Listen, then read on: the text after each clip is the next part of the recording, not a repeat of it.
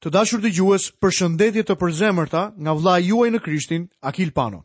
Ju uroj mirëseardhje në emisionin e sotëm dhe falënderoj Perëndinë për privilegjin që kemi që së bashku të studiojmë Fjalën e Tij të gjallë. Jemi duke studiuar në librin e Levitikut dhe sot do të studiojmë në kapitullin e njëmbëdhjetë të këtij libri. Lexojmë pa u vonuar nga vargu i katërt deri në vargun e tetë të kapitullit të njëmbëdhjetë të librit të Levitikut. Por nga ripërtypësit dhe nga dythundrakët, nuk do të hani këto. Deven sepse përtypet, por nuk është dythundrake, për ju është e papastër. Baldosën sepse ripërtypet, por nuk është dythundrake, për ju është e papastër. Lepurin sepse ripërtypet, por nuk është dythundrak, për ju është i papastër. Derrin, sepse është dythundrak dhe e ka këmbën të ndarë, por nuk është ripërtypës, për ju është i papastër. Nuk do të hani nga mishi i tyre dhe nuk do të prekni trupat e tyre të pajetë. Për ju janë të papastër. Të dashur miq, shohim që kjo është një listë e zgjeruar e kafshëve të papastra. Me sa duket, duhet të ketë qenë ndonjë çështje në lidhje me këto kafshë. Vetëm kafshët që hanin barishte e përtypnin ushqimin. Kjo eliminonte kafshët mishngrënëse. Shohim që Perëndia paralajmëroi për ngrënien e devesë. Reagimi mund të ishte: Kush do të donte ta bënte këtë? A nuk mendoni se kjo i shton një notë humori fjalëve të Zotit tonë kur akuzoi farisenjtë se sitnin mushkonjën dhe gëlltisnin devenë? Deveja jo vetëm që ishte me gunga, por ishte edhe e papastër. Shohim që lepuri një kafshë shumë e vogël jetonte në vende me shkëmbinj. Kjo i korrespondon lepurit tonë. Për mua, është shumë interesant fakti se sot ka disa që theksojnë që nuk duhet ngrënë mishi i derrit, nuk kam dëgjuar kurrë ndonjë të përmendi se nuk duhet ngrënë lepuri. Derri ka thundrat e ndara, por ai nuk përtyp ushqim. Derri ha vazhdimisht, por nuk ripërtyp. Është interesante të vësh re se derri është ende një mish i vështirë për t'u tretur. Shohim që derrat janë kafshë të papastra, Ata janë të papastër në zakonet e tyre të ngrënies. Izraelitëve u ishte ndaluar që të kishin kontakte me kufomat e ngordhura të këtyre kafshëve të papastra. Nënkuptimet shpirtërore këtu janë të pashmangshme. Lexojmë më poshtë nga vargjet 9 deri në vargun 12 dhe këtu do të shohim së bashku krijesat e pastra dhe të papastra të ujit. Midis gjithë kafshëve që ndodhen në ujë, mund të hani këto. Mund të hani të gjithë ato që kanë pendë e luspa në ujë, si në dete, ashtu edhe në lumej. Por të gjitha ato që nuk kanë as pendë, as luspa, si në dete ashtu edhe në lumej, tërë ato që lëvizin në ujë dhe të gjitha ato që jetojnë në ujë janë të neveritshme për ju. Do të jenë të neveritshme për ju Nuk do të hani mishin e tyre dhe do të keni neveri për trupin e tyre të pajetë. Çdo gjë që në ujë nuk ka pendë dhe luspa, do të jetë e neveritshme për ju.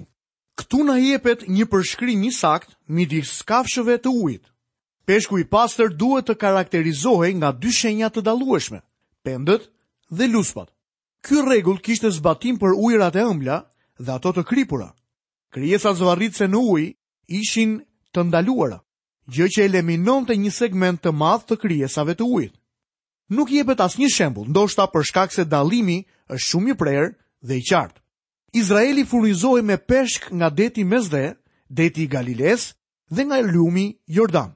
Peshku luante një pjesë të rëndësishme në ushqimin e këtij kombi këtyre njerëzve. Një nga portat e Jeruzalemit quhej Porta e Peshkut. Kjo ishte porta nga e cila futej peshku nga deti Mesdhe dhe është interesante sepse ky ishte një problem i konsiderueshëm në kohën e Nehemias. Peshkatarët e sillin peshkun brenda në ditën e Sabatit. Roli i rëndësishëm i peshkimit në shërbesën tokësore të Zotit Jezus njihet mirë nga studentët e Dhjatës së Re. Dishepujt e parë që thirri Zoti ynë, gjejmë që ishin peshkatarë. Ai u tha se do të bëheshin peshkatarë njerëzish. Zoti Jezus tregoi shëmbëlltyrën se mbretëria e qiejve i ngjan një rrjete që kap peshq të mirë dhe të këqij. Cila ishte metoda që dallonte peshkun e mirë nga i keqi? Një peshk që i ka të dyja pendët dhe luspat është i pastër ose i mirë. Por si Mund ta dallojmë të drejtin nga i ligu. Besimtari është ai person që shtyhet nga fryma e shenjtë dhe vishet me drejtësinë e Krishtit. Këto janë dy shenjat identifikuese. Ato janë pendët dhe luspat nëse ju i doni. Lexojmë më poshtë nga vargu 13 deri në vargu 19 për të parë krijesat e pastra dhe të papastra që fluturojnë në ajër. Midis zogjve do të keni neveri këta. Nuk duhet t'i hani, sepse janë të neveritshëm shqiponjën, shqiponjën e detit dhe fajkuan peshkatar. Qiftin dhe çdo lloj fajkoi, çdo lloj korbi, strucin, hutën, pulbardhën dhe çdo lloj krahëthati, bufin, karabullakun e detit dhe ibisin, mjelmën, pelikanin, hutën, lejlekun dhe çdo lloj çafke, pupëzën dhe lakuriqin e natës. Shohim që tek zogjtë nuk ka shenja dalluese siç i gjenim tek peshqit, por në përgjithësi ata duken që janë ushqyes të papastër. Pjesa më e madhe e tyre ushqehet me kërmat e kafshëve të ngordhura. Na jepet një listë e zogjve të papastër të Palestinës. Kjo është një pikë tjetër që zbulon se sistemi i Mojsiut ishte për kombin e Izraelit dhe për një pjesë të veçantë të Palestinës. Disa nga këto zogj tingëllojnë shumë të çuditshëm. Ata bëjnë pjesë në familjen e shqiponjave dhe të fajkojve, grabitqar dhe gllabërues, bufa dhe karabullak, mjelma dhe pelikan. Ata madje nuk tingëllojnë as të shijshëm. Ata janë zogjtë e papastër. Për shkak të zakoneve të tyre, të të ushqyerit. Disa njerëz hanë nga këta zogj sot. Nuk mund të them se do të më pëlqente ndonjë prej tyre, por nëse i hanë apo jo, ata nuk bëjnë ndonjë ndryshim. Mishi nuk na dënon tek Perëndia. Çështja është që Izraeli po mësohej që të mund të bënte një dallim. Ata duhet të merrnin një vendim në lidhje me gjërat e pastra dhe të papastra. Mësimi për ne sot është se duhet të bëjmë vendime për sjelljen dhe profesionin tonë, vendime që kanë të bëjnë me jetën tonë. Ne duhet të marrim vendimin për të pranuar Krishtin ose jo, të studiojmë fjalën e Zotit apo jo, të ecim në një rrugë që e kënaq Zotin ose jo. Ky është zbatimi për ne sot. Kjo pjesë hedh dritë mbi përvojën e profetit Elia. Ai u ushqye prej korbave, të cilët ishin zogj të papastër. Elia nuk i hëngri korbat, por ato e ushqyen atë. Kjo ishte një përvojë përuljeje për këtë njeri të Perëndisë, i cili iu bind Zotit në çdo detaj. Tani do të lexojmë nga vargu 20 deri 23 për të parë krijesat e pastra dhe të papastra të cilat zvarriten në tokë. Do të keni neveri për çdo insekt me krahë që ecën me katër këmbë. Por nga të gjitha insektet me krahë që ecin me katër këmbë, mund të hani ato që i kanë kofshët mbi këmbët për të kërcyer në tokë. Nga këta mund të hani çdo lloj karkaleci, çdo lloj bulku dhe çdo lloj akridi. Çdo lloj insekti tjetër me krah që ka katër këmbë do të jetë i neveritshëm për ju. Pasi pamë të gjitha këto, ne duhet të vëmë re se disa prej këtyre insekteve janë të pastra. Me sa duket ka katër specie apo lloje karkaleci. Karkaleci ishte specie e rregullt, ndërsa bulku kishte një gungë. Akridi ishte një lloj tjetër karkaleci me gungë dhe bisht dhe karkaleci tjetër ishte me bisht, por pa gungë. Pra lejoheshin të haheshin këta katër lloj karkalecësh. Por miqtë e mi, nëse më ftoni për drekë, më lini të zgjedh diçka tjetër nga menuja që do më ofroni. Edhe pse nuk më joshin, nuk ka asgjë fetare ose ceremoniale në lidhje me papastërtinë e tyre. Tani le të lexojmë më poshtë nga vargjet 24 deri në vargun 28. Do të shohim kontaktin me kufomat e ngordhura të kafshëve të papastra. Këto kafshë do t'ju bëjnë të papastër. Kushdo që prek trupin e tyre të pajetë, do të jetë i papastër deri në mbrëmje. Kushdo që mbar trupat e tyre të pajetë, do të lajë rrobat dhe do të jetë i papastër deri në mbrëmje. Çdo kafshë dythundrake që nuk e ka këmbën të ndarë dhe nuk ripërtypet është e papastër për ju. Kushdo që do ta prekë, do të bëhet i papastër. Ndër të gjitha kafshët katërkëmbëshe, ata që ecin mbi shputën e këmbëve janë të papastër për ju. Kushdo që prek trupin e tyre të pajetë, do të jetë i papastër deri në mbrëmje. Kushdo që transmeton trupin e tyre të pajetë, do të lajë rrobat e tij dhe do të jetë i papastër deri në mbrëmje. Për ju ata janë të papastër. Izraelit jo vetëm që i ndalohej ngrënia e kafshëve të papastra, por edhe prekja e kufomave të tyre. Këtu kemi të bëjmë me ndotjen përmes kontaktit. Ky është parimi i madh i jetës që sapo kishte nisur në ditët e kthimit të Izraelit nga skllavëria. Në librin e profetit Hagai, kapitulli i dytë, vargjet njëmbëdhjetë dhe trembëdhjetë, shohim, Kështu thotë Zoti i ushtrive, Pyeti priftërinjtë për ligjin, duke thënë, Në qoftë se dikush mban në cepin e rrobës së tij mish të shenjtëruar dhe me cepin prek bukë ose ushqim të gatuar, verë ose vaj, ose çfarëdo ushqimi tjetër, a do të bëhet i shenjtëruar ky? Priftërinjtë u përgjigjën dhe thanë, Jo. Atëherë Hagai u tha atyre, Në qoftë se dikush që është i papastër për shkak të kontaktit me një kufomë prek ndonjë nga këto gjëra, a do të bëhet kjo e papastër? Priftërinjtë u përgjigjën dhe thanë, Po, ajo do të bëhet e papastër. Para nesh është vendosur një princip shumë i rëndësishëm, Pastërtia ose shenjtëria nuk transferohet me anë të kontaktit. Në të kundërt, ndotja, mëkati dhe papastërtia transferohet me anë të kontaktit. Me fjalë të tjera, është e pamundur të nxjerrësh pastërti nga papastërtia. Por e papastra mund të ndikojë tek e pastra. Një njeri i padrejtë nuk mund të prodhojë vepra të drejta, të pranueshme nga Zoti. Ti nuk mund të nxjerrësh drejtësi nga padrejtësia. Ky princip operon si ligj në të gjitha fushat e jetës dhe në të gjitha shtresat e shoqërisë. Një shtambë me ujë të pisët nuk bëhet e pastër duke i shtuar një shtambë me ujë të pastër. Nga ana tjetër, një pikë uji i pisët do të ndosë ujin e pastër. Një djalë i sëmurë me fruth nuk kurohet kurrë duke patur kontakt me një djalë që është i shëndoshë. Përkundrazi, djali i shëndetshëm mund ta marrë sëmundjen nga djali i infektuar. Një i krishterë nuk mund të përzihet me botën dhe të luajë me mëkatin pa u ndotur. Ku e gjejmë idenë se një i krishterë mund të merret me drogë, të pijë, të shkojë në klube nate dhe në vende të tërbuara. Disa pretendojnë se rruga për të arritur të humburit është të shkosh dhe të arrish në nivelin e tyre. A i arrijnë këta njerëz ata të humbur në këtë mënyrë? Mendoj se jo. Përkundrazi, ndoten dhe marrin pjesë edhe vetë në ato mëkate. Në Dhjatën e Re, shohim që fjala e Perëndisë na e bën të qartë këtë çështje. Tek letra e Judës vargu i 23 shohim të shkruar. Por shpëtojini të tjerët me druajtje, duke ia rrëmbyer zjarrit dhe duke urryer edhe rrobën e ndotur nga mishi. Është një gabim i tmerrshëm të përzihesh me mëkatin. Ne duhet të ruhemi nga ndotja. Një izraelit kujtohej për këtë princip të madh kur ecte rrugës dhe shikonte një qen ose një ari të ngordhur. Ai e kishte të ndaluar të mbarte kufomën ose ndonjë pjesë të saj. Ai nuk duhet të merrte asnjë kockë dhe lëkurë për përdorim. Nëse e prekte pa dashje kërmën e kafshës së papastër, duhet të lante rrobat e tij dhe të qëndronte i papastër deri në fund të ditës. Këto janë mësimet e mëdha shpirtërore për ne. I krishteri është i shenjtëruar me anë të shpengimit të Krishtit dhe është veshur me rrobën e tij të drejtësisë. Por ne ecim në këtë botë, ku mund të ndotemi. Ne ende kemi natyrën e vjetër.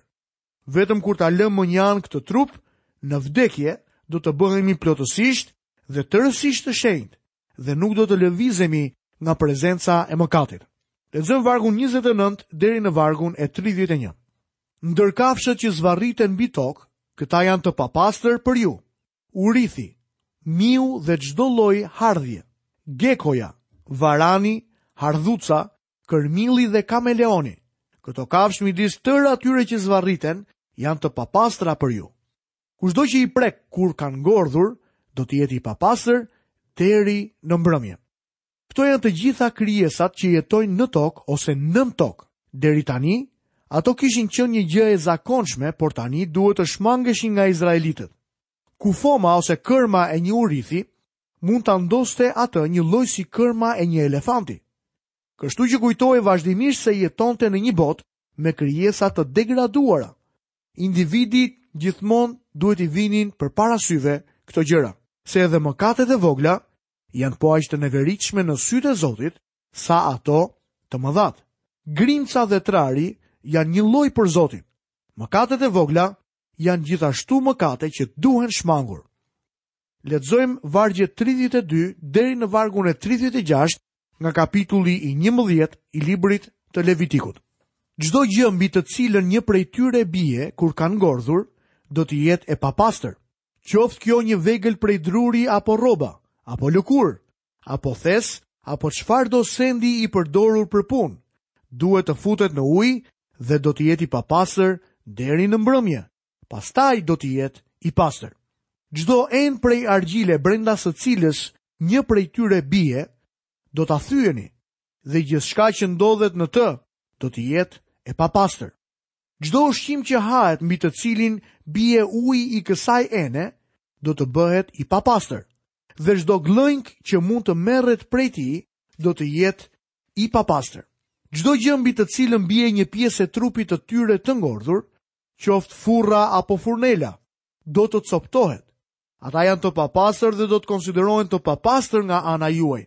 Por një burim apo çisternë, ku mblidhet uji, do të jetë i pastër, por çdo gjë që prek trupat e tyre të pajetë do të jetë e papastër. Tani për një moment përfytyrojmë që kemi hyrë në një guzhinë. Duhet të ketë qenë një përvojë e zakonshme për disa brejtës të hynin në guzhinën e asaj kohe, të binin në një nga enët dhe të ngordhnin. Çdo enë qeramike duhej thyer dhe uji, drithi ose gjithçka tjetër që mund të ketë qenë brenda kësaj ene duhej flakur tutje. Një enë bronzi duhet të pastrohej mirë. Ju e shini. Perëndia ua mësoi njerëzve të tij pastërtinë në përgatitjen e ushqimit. Dhe Perëndia po u mësonte atyre një mësim që kishte të bënte me shenjtërinë. Çdo enë ishte e shenjtë për Zotin dhe duhej të mbetej e pastër. Në sistemin e Moisiut, pastërtia ishte pas shenjtërisë dhe kjo zbatohej edhe për detajet më të vogla në situatat shtëpiake. Perëndia i ruante njerëzit e tij nga ndotja dhe përdhosja.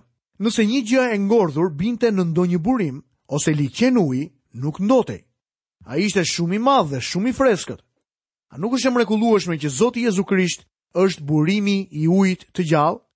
Ai nuk ndotet nga kontakti që ka me ne, mëkatarët, ose të sëmurët, lebrozët apo nga gruaja me fluksin e gjakut. Tek Ungjilli i Gjonit kapitulli 4 dhe vargu i 14 dhe më poshtë tek i njëjti Ungjill në kapitullin e 7 vargjet 37 dhe tridhjetë e tetë, shohim që Jezusi tha këto fjalë, Por kush pi nga uji që do t'i jap unë, nuk do të ketë më kurrë etje përjetë, por uji që unë do t'i jap, do të bëhet në të një burim uji që gufon në jetë të përjetshme. Gjithashtu edhe ditën e fundit, në ditën e madhe të festës, Jezusi u çua në këmbë dhe thirri duke thënë, Nëse dikush ka etje, le të vijë tek unë e të pijë. Ai që beson në mua, siç ka thënë Shkrimi, nga brendësia e tij do të burojnë lumenj uji të gjallë. Kthehemi sërish te kapitulli 11 i Levitikut për të lexuar vargjet 37 dhe 38.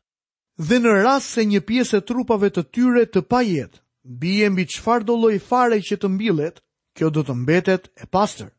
Por në rast se vihet ujë mbi farën dhe një pjesë e trupave të pajetë të tyre bie mbi të, ajo është e papastër për ju.